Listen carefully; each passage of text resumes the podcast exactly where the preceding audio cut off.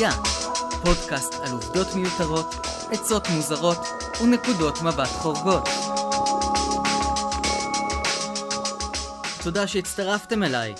אני מורדי חנני, והיום אנחנו הולכים לדבר על עשרת הדברים שתיירים חייבים פשוט להפסיק לעשות. בתור תייר די מנוסה, עם בסך הכל 50 ומשהו חותמות בדרכון שלי, אני יכול להגיד די בוודאות שאני יודע מה לא כדאי לעשות כשאתם נמצאים בחו"ל. מה כן כדאי לעשות?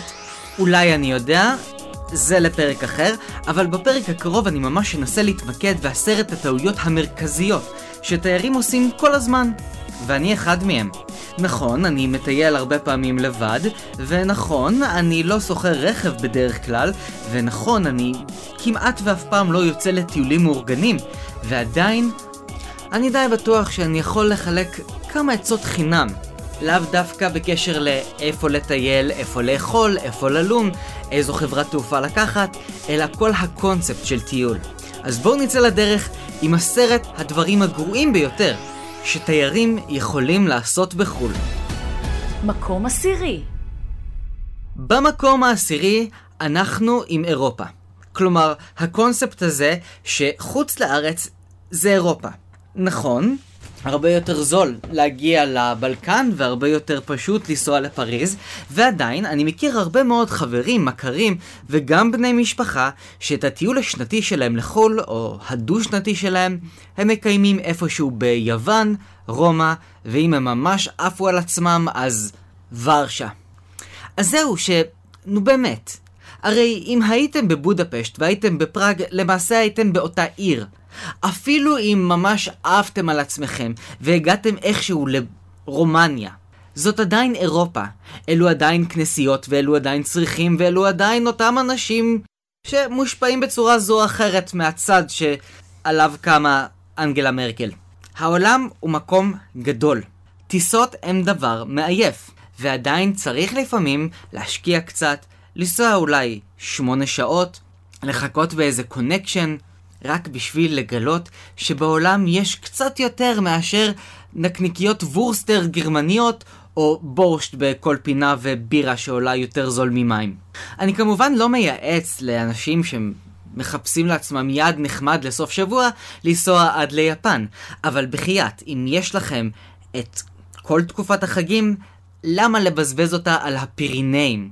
למה להעביר עוד טיול עומק באיטליה, להיכנס לעוד מוזיאונים, להתרשם מאותן כנסיות ומאותם צריכים ומאותם שפיצים ומאותם אגמים. אירופה זה לא חוץ לארץ, אירופה זה פה.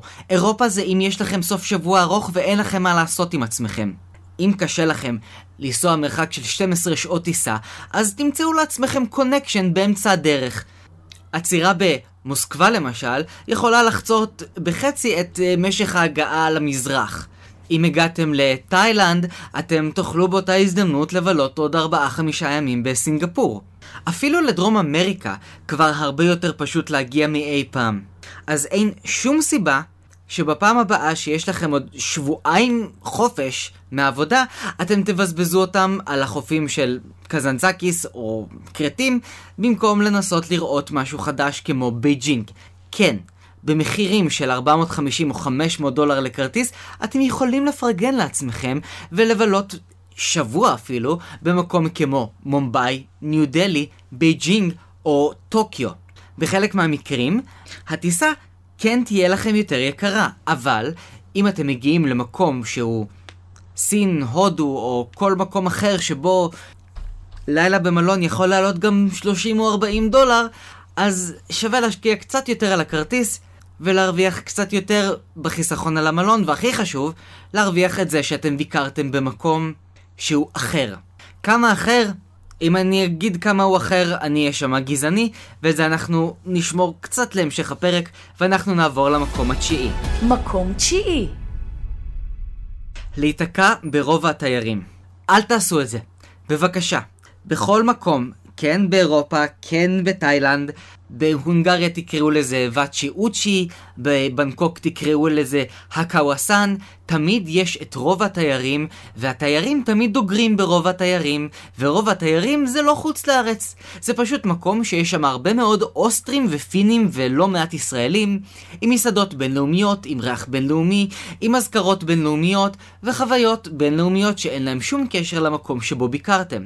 אז האם ללכת ולאכול במסעדות שרוצות פשפשים? כן. האם לחתוך חס וחלילה בכך שאתם תיקחו את הרכבת התחתית לצד השני של העיר ותטיילו במקום שלא כתוב בשום מפה? שם נמצאים הטיולים האמיתיים. כאשר אתם רואים שבתאילנד המקומיים לא הולכים ל-MBK, אלא לשווקים שקונים שמה את הסחורה של שוק רמללוד. זה לא מיוחד, אין לכם שום דבר שתוכלו לקנות שמה, אבל עדיין אתם קצת תספגו את האווירה המקומית. האזור התיירותי הוא לכאורה אמור להיות יותר מגונן, יותר דוברי אנגלית, יותר סוכנויות שיוכלו לעזור לכם. נכון, אני לא מוותר אף פעם על ביקור מהיר וקצר במקומות האלה כדי לראות מה אני אוכל להרוויח, אבל אם אתם רוצים באמת להשקיע זמן לבלות ולפגוש את האווירה המקומית, פשוט תלכו לאיבוד. הטיולים הגדולים ביותר שלי התחילו כאשר אני פגשתי את המבטים הראשונים של מה לעזאזל אתה עושה פה. אותם המבטים שאני תולה בתיירים שמגיעים בדרך לא דרך לשוק התקווה. מה אתם עושים כאן? תל אביב זה בצד השני, שוק הכרמל זה בצד השני, אבל אז אני חושב לעצמי ואומר, רגע, כאן זה אותנטי, כאן זה הכיפי, כאן זה תל אביב האמיתית. מה שישר מוביל אותי למקום השמיני. מקום שמיני. במקום השמיני אני מייעץ לכם לא להתנשא על התרבות המקומית. אתם לא חייבים לומר שום דבר, אבל אם כבר הזכרתי את שוק התקווה, מקום שאני פוקד אותו לפחות פעם בשבוע, אני מוצא שם כל הזמן תיירים שתולים בי את עיני האיך לעזאזל אתם חיים בתוך השכלה הזה. גם עלינו יש מה להתנשא וגם אנחנו מתנשאים על עצמנו בלי ספק. אבל כאשר אתם מתנשאים, אפילו עמוק בתוך תוככם, על האנשים שאת המדינה שלהם אתם מבקרים, למעשה אתם משדרים משהו החוצה שהוא יכול להיות קרמטי, ואז המדינה תוכיח לכם כמה שאתם צודקים וכמה שהמקום הזה חור עלוב שלא ראוי שכף רגל של תייר תדרוך בו. או שאנשים בעצמם ירגישו את האנטי שלכם, ירגישו את הזלזול שלכם, ואז יפנו אתכם למקום השביעי.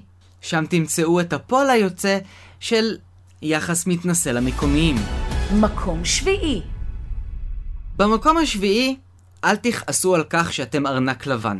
ישנן מדינות, ובלי להזכיר שמות, קובה ווייטנאם, שבהם אתם מרגישים כאילו אתם ארנק לבן מהלך. בכל מקום ינסו למכור לכם, בכל מקום ינסו לשונרר מכם טיפ, בכל מקום ינסו לתת לכם את השירות הגרוע ביותר, את המנות הקטנות ביותר, ולבקש מכם את הסכומים הגבוהים ביותר. ישנם מקרים שאפילו יחליפו לכם את התפריטים. לפני הארוחה אתם תראו תפריט שבו המנות מאוד זולות, אחרי ארוחה אתם תראו שאתם קיבלתם חשבון מאוד יקר ויראו לכם תפריט שפתאום כל המחירים קיבלו לתוכם עוד אפס. זה מרגיז, זה מעצבן, אבל אין מה לעשות. אתם לא תצליחו לשנות אף וייטנאמי, אתם לא תוכיחו לאף קובאני שאתם יותר חכמים ממנו, ואתם לא תציגו לאף סיני את העליונות של האדם הלבן. זה לא יקרה. בהרבה מקרים, העניין הזה של להיות ארנק לבן, הוא פשוט מעין יחס גורר יחס. אני רואה את זה לא פעם בחו"ל, כאשר אני מסתכל על כל מיני תיירים או תיירות מסתכלות על איזשהו צעיף ומביעות איזשהו מבט של סלידה והמוכר ככה כבר מנסה לתת לה את המשהו היותר עטוף ויותר ארוז ויותר יקר ואם היא ניגלת ממשהו אחד אז אפשר אה, לתת לה משהו יותר יקר מצד שני. אם אתם מביעים איזה שאט נפש כלפי הפקיד או הפקידה במלון, סביר להניח שאתם תקבלו תשובה כמו נשארו לנו רק חדרים עם הנוף לתוך הפחי זבל במחיר כפול פי שניים, ואז אה, לא תהיה לכם ברירה אלא להוציא את הארנק ולשלם. למה זה קורה? כי פשוט לא באתם לטוב. אני יכול אפילו להעיד, בגוף ראשון, בתור מי שעבד במשך שש שנים במרכזי תיירות בתל אביב, שהמוטיבציה שלי לעזור לכל מיני אירופאים שבאים ומסתכלים עליי כאילו הגמל שלי חוסם להם את החנייה, סורי, נגמרה המוטיבציה, הנה מפה, הנה כיסא, הנה וי-פיי, שלום תודה. אני עושה רק את מה אני אמור לעשות. עכשיו להתחיל להתקשר לחברים שלי, לשאול אם עדיין הקלרה פתוחה, ועד מתי אפשר להיכנס לדיזנגוף סנטר ביום שישי? למה להתאמץ מעבר בשביל מישהו שבקושי מסתכל לי בעיניים? אבל אני נותן את עצמי בתור דוגמה, ו- וזו לא דוגמה טובה. מכיוון שאני אדם מערבי שחי בחברה מערבית, ואני, אם מחר בבוקר אני אמצא את עצמי מחוץ לדירה שלי, תהיה לי משפחה לסמוך עליה, יהיה לי איזשהו ביטוח לאומי מינימלי להסתמך עליו. כאשר אני מטייל במדינת עולם שלישי, אני צריך להבין שאנשים שאני מתרועע איתם, סביר להניח שאני כל מה שיש להם. אם אני לא אקנה מהדוכן שלהם, ואם אני לא אשלם הרבה כסף, הם לא יסגרו את החודש. אז כמובן שאני לא איזה פילנטרופ ולא אנג'לינה ג'ולי שבא להרעיף שטרות של דולרים על ראשים של מסכנים בעולם השלישי, אבל מצד שני, אני צריך להבין שכאשר הם מנסים למכור לי בכל צורה ובכל מחיר, גם אם הם ממש משקרים לי בפרצוף, לא לכעוס ולא להתרגז. הם לא עושים לי את זה בכוונה. אם אני הלכתי לאיבוד בכוונה באיזושהי פינה מרוחקת בעיר, אני יכול להבין את המבטים של מה אתה עושה כאן, עזאזל. יכול להיות שאני הייתי מרגיש ככה בתור מור, אם הייתי רואה איזשהו תייר הולנדי מסתובב בשכונה של סבא שלי בבאר שבע, ומצלם אותו משחק ששבש עם החברים שלו בפרונט של הבית. אני בכל זאת זר, אני בכל זאת נכנס למרקם חיים שזה לא מרקם החיים שלי. ויש מצב שאני אקבל עוינות. זאת נקודת הבסיס, ואם לא טוב לי, תמיד אפשר לקחת את הטיסה הבאה לארץ, או מראש לוותר על יעדים שהם ספציפית מועדים לפורענות, וכאמור, תשאלו אנשים שהיו לפני כן ואתם תקבלו את כל התשובות האפשריות. מה שמוביל אותי למקום השישי. מקום שישי. במקום השישי, אם אמרתי לכם קודם לסמוך על מה שאנשים אומרים לפניכם, עכשיו אני אומר לכם לא לסמוך על שום דבר.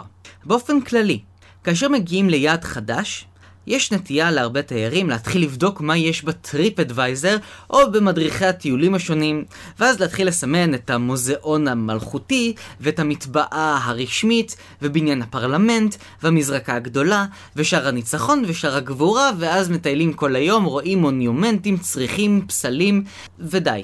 זה שמקום מקבל איזשהו ציון לשבח במדריך טיולים, זה לא אומר שחייבים ללכת לבקר אותו. אם אני לא מתעניין בארכיטקטורה, אין שום סיבה שאני אלך לראות משהו ארכיטקטוני נפלא. אם אני לא אוהב לעמוד בתור, אין שום סיבה שאני אעלה לתצפית של מגדל אייפל. יש מעט מאוד יעדים בעולם, שאיזה רשימת מכולת של דברים שחייבים לעשות בהם, זה מה שיש לעשות בהם. כמו מקום uh, כמו אורלנדו, שאפשר לבקר בפארק הזה, בפארק הזה, בפארק הזה, בפארק הזה, וללכת הביתה. רוב הטיולים ורוב ההנאות הגדולות בחו"ל נמצאות בין המוזיאון למוזיאון השני. בישיבה על הספסל, בנסיעה ברכבת התחתית, ברגעים שהם בין לבין. נכון, הלובר יכול להיות נהדר, וכן, אפשר להעביר יום שלם של הנאה גדולה בגוגנהיים, אבל רוב רובו של העולם לא בנוי על אטרקציות כאלו שבאמת יכולות לערער לבן אדם את אמות הסיפים. על אחת כמה וכמה, אל תצפו לעולם שטיסה לחו"ל תעורר בכם איזושהי חוויה מעוררת חושים מרגשת, היסטרית וחד פעמית כמו שלא נראתה כמותה מעולם. פריז היא לא המקום הכי רומנטי עלי אדמות. אולי כן, אבל אם הגעתם לשם לכבוד חתונת הכסף, והעברתם חמישה ימים של אחד על השנייה או אחד על השני בצווחות וצרחות של את תמיד קונה הכי יקר, ואתה תמיד מתקמצן על המלונות, ו... פריז לא תעורר בכם את התשוקה. פריז זאת עיר לכל דבר ועניין. נסעתם להודו? אתם מצפים שתיפול עליכם איזושהי הערה ותגרום לכם להתחבר לילד הפנימי שבכם ולהעריך מחדש את הרוחות של הקוסמוס? שלילי קטלני. הודו זה מקום מבאס, מסריח, צפוף, עם פרות בכל מקום, ואתם ארנק לבן וינסו לקחת מכם את הכסף בכל הזדמנות שתהיה. ועדיין, הרבה מאוד אנשים נוסעים להודו במעין איזושהי תחושה שהודו תשנה אותי, אפילו יש ספר שקוראים לו הודו תאהב אותי. הודו זה פשוט מקום על הפלנטה. נפלה עליכם מערה, הרווחתם. לא נפלה, לא נורא. החלטתם לנסוע ליערות הגשם באמזונס ולטפס שם על העצים, אבל אתם עוברים בין, ה... בין הרצפה לשטיח וחוטפים סחרחורת? האמזונס לא יהפוך אתכם להרפתקנים ולא למגייבר. ואנחנו נעבור למקום החמישי. מקום חמישי. במקום החמישי אני ממליץ לכם לא לתכנן הכל מראש. בעיקר אם יש לכם טיולים שהם למעלה מעשרה ימים, לא תמיד חשוב לדעת מה תעשו בכל יום, ולאן תלכו ואיפה תבקרו. אל תהפכו את הטיול שלכם למעין מגדל קלפים. בחיים מאבדים רכבות, ומפספסים מטוסים, וגם מתבאסים ממקומות, ואם יש לכם הזדמנות לצאת משם יומיים לפני, אז אפשר גם לצאת יומיים לפני. באופן היותר פרקטי, אם אתם מגיעים לאיזשהו מקום חדש, ואתם לא יודעים כמה זמן אתם תבלו בו, אל תזמינו מלון לכל הימים האלו. נכון, יש סיכוי שאתם אה, תפספסו את ההזדמנות והמחירים יעלו, אבל מה יקרה אם אתם תגיעו לאיזשהו אי בדרום תאילנד ואתם תגלו שזה לא העונה ואנשים שם מאוד uh, סובלים ואין שם בכלל uh, צלילות ואתם רציתם לצלול ואתם רוצים ללכת לראות את הנחל אבל זה נחל אכזב אז כל מה שיש לכם לעשות זה להסתובב בשוק דגים. אל תשריינו. יש לכם אפשרות להזמין שני לילות? תזמינו שני לילות. אם תוכלו להזמין את הלילות השלישי והרביעי והחמישי והשישי במקום, אין שום בעיה. אם המלון תפוס, תמצאו מקום אחר. אם המקום האחר גם כן תפוס ואתם ממשיכים לחפש, אז לא נורא. זה הרבה יותר עדיף מאשר להגיע לאיזשהו מקום ולהחליט לעזוב אותו שלושה ימים לפני הזמן כאשר שילמתם מראש. כאשר אני מדבר על העניין של לא לתכנן מראש, אני גם מתכוון לכך שאל תדחסו לעצמכם את הלוז יתר על המידה. יש לי חבר שהבן שלו עשה עכשיו טיול בר מצווה והם ניסו לראות עכשיו איזה שש בירות אירופה בעשרה ימים וכל מקום הם עברו וצילמו כל פינה, רצו מקצה אחד לאחר, לקחו רכב סחור, נרדמו את כל הדרך בין בלגיה להולנד, התעוררו במעבורת מהצד השני של אנגליה ובסופו של דבר הדבר היחידי שהם זכרו זה את הסנדוויצ'ים שהם אכלו בדרך או בתורים. תעשו לעצמכם טובה. אבא, אמא, קצת יותר לאט. כדור הארץ לעולם יישאר, או שההתחממות הגלובלית תהרוס אותו לחלוטין, אבל אין טעם לרוץ ואין טעם לדחוס. ושוב אני הולך לסתור את עצמי כמובן, עם המקום הרביעי שלי. מקום רביעי. להשתהות. הגעתם ללובר. ומה לעשות, אתם לא חובבים גדולים של אמנות קלאסית. לא קרה שום דבר אם תגבירו קצת את הקצב ותלכו קצת יותר מהר. לא צריך לעצור ליד כל פסל ולא ליד כל תמונה, וגם אם אתם עשיתם סיבוב גדול כדי לראות איפה נמצאת המונליזה, להצטלם איתה וללכת, הכל בסדר. זה קרה לי באחד הטיולים שלי עם שני חברים, שזה קצת הרגיש לפעמים כמו דילמת האסיר. מי הראשון שמודה בכך שהוא משתעמם? לפעמים יכול להיות מצב אפילו יותר גרוע. שאתם הגעתם למקום הנכון והגעתם לתערוכה הנכונה ואתם אומרים, טוב, אנחנו אולי לא נספיק לראות את הכל ואז אתם נתקעים באזור המטבעות המלכותיים ובאזור הכידונים של ימי הביניים אבל בסופו של דבר אתם עלולים לפספס את תערוכת הדינוזאורים שנמצאת שלושה ביטנים קדימה. אז אם אתם בעניין של אנחנו כבר כאן אז אנחנו נסתכל ואנחנו נעבור מטבע מטבע ונוודא שהכל הרוס וישן, זאת בעיה שלכם. אפשר גם להגיע למקום גדול עם הרבה מוצגים, איזה מוזיאון או איזה תערוכה, ופשוט לעשות סיבוב מאוד מהיר, להגיד, אוקיי, הבנתי מה הולך כאן, אני רוצה לראות את 1, 2, 17 ו-9, וכל השאר לא מעניין אותי. זה בסדר. אף אחד לא עוקב אחריכם עם מצלמות אבטחה. אם אתם לבד, על אחת כמה וכמה אתם יכולים לדלג, אם אתם נמצאים עם עוד חברים, אז כדאי שאתם תהיו בחברה טובה. אבל אין טעם להתייבש. אין טעם להעביר אחר צהריים שלם בשופינג עם החברה אם היא אוהבת לעשות שופינג ואתם לא אוהבים לשמור לה על התיק. אם היחסים ביניכם מספיק טובים ומספיק בריאים, אפשר להגיד תודה רבה, אני הולך למלון, תחזרי מתי שאת רוצה, רק אל תקחי את הכרטיס אשראי שלי. זה עובד הפוך לשני המגדרים, אתה יכול ללכת למדוד עקבים ושמאלות כמה שאתה רוצה, אני הולכת לנוח במלון, אנחנו לא ממגדרים כאן אף אחד. די להיות אפולוגטי לגבי מגדר, בואו נעבור למקום השלישי. מקום שלישי. במקום השלישי אני מבקש מכם, בשום אופן אל תיסעו בשיא העונה. אוגוסט. הילדים בשבועיים האחרונים בחופש, כולם מטפסים על הקירות, למה שלא ניסע לברצלונה? למה לא? כי כל העולם נוסע לברצלונה. אם ממש בא לכם לעמוד בתורים, לשלם מחירים מופקעים, לא למצוא שום מבצע בקניונים, ולא להצליח לצלם שום תמונה כי מאחוריכם יש מיליון תיירים יפנים עם מקלות סלפי, אם כל זה בסדר מבחינתכם, לכו, סעו לברצלונה, ברכתי איתכם. הזמן הזה, שכל העולם נמצא בחופש, זה הזמן המושלם להגיע למקומות הפחות מתוירים שפחות חשבתם להגיע אליהם. התחשק לכם לראות את אסטנה, בירת קזחסטן, דרך אגב מאוד מומלץ, תעשו את זה בשבועיים האחרונים של אוגוסט. את ברצלונה תשמרו לאיזה סוף שבוע ארוך, או לאיזה סוכות, או לאיזושהי תקופה אחרת, שבה אתם מגיעים לעיר עובדת ומתפקדת, ולא למעין עיר רפאים שאין בה תושבים, אלא רק תיירים ונותני שירות לתיירים.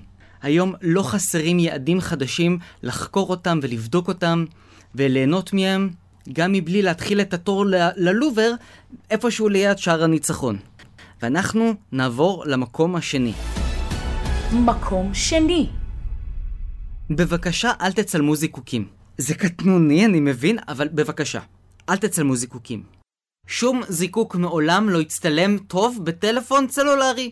שום מופע של uh, בני שבט ההומבה הומבה באפריקה לא נראה טוב כמה שלא תדביקו עליו פילטרים.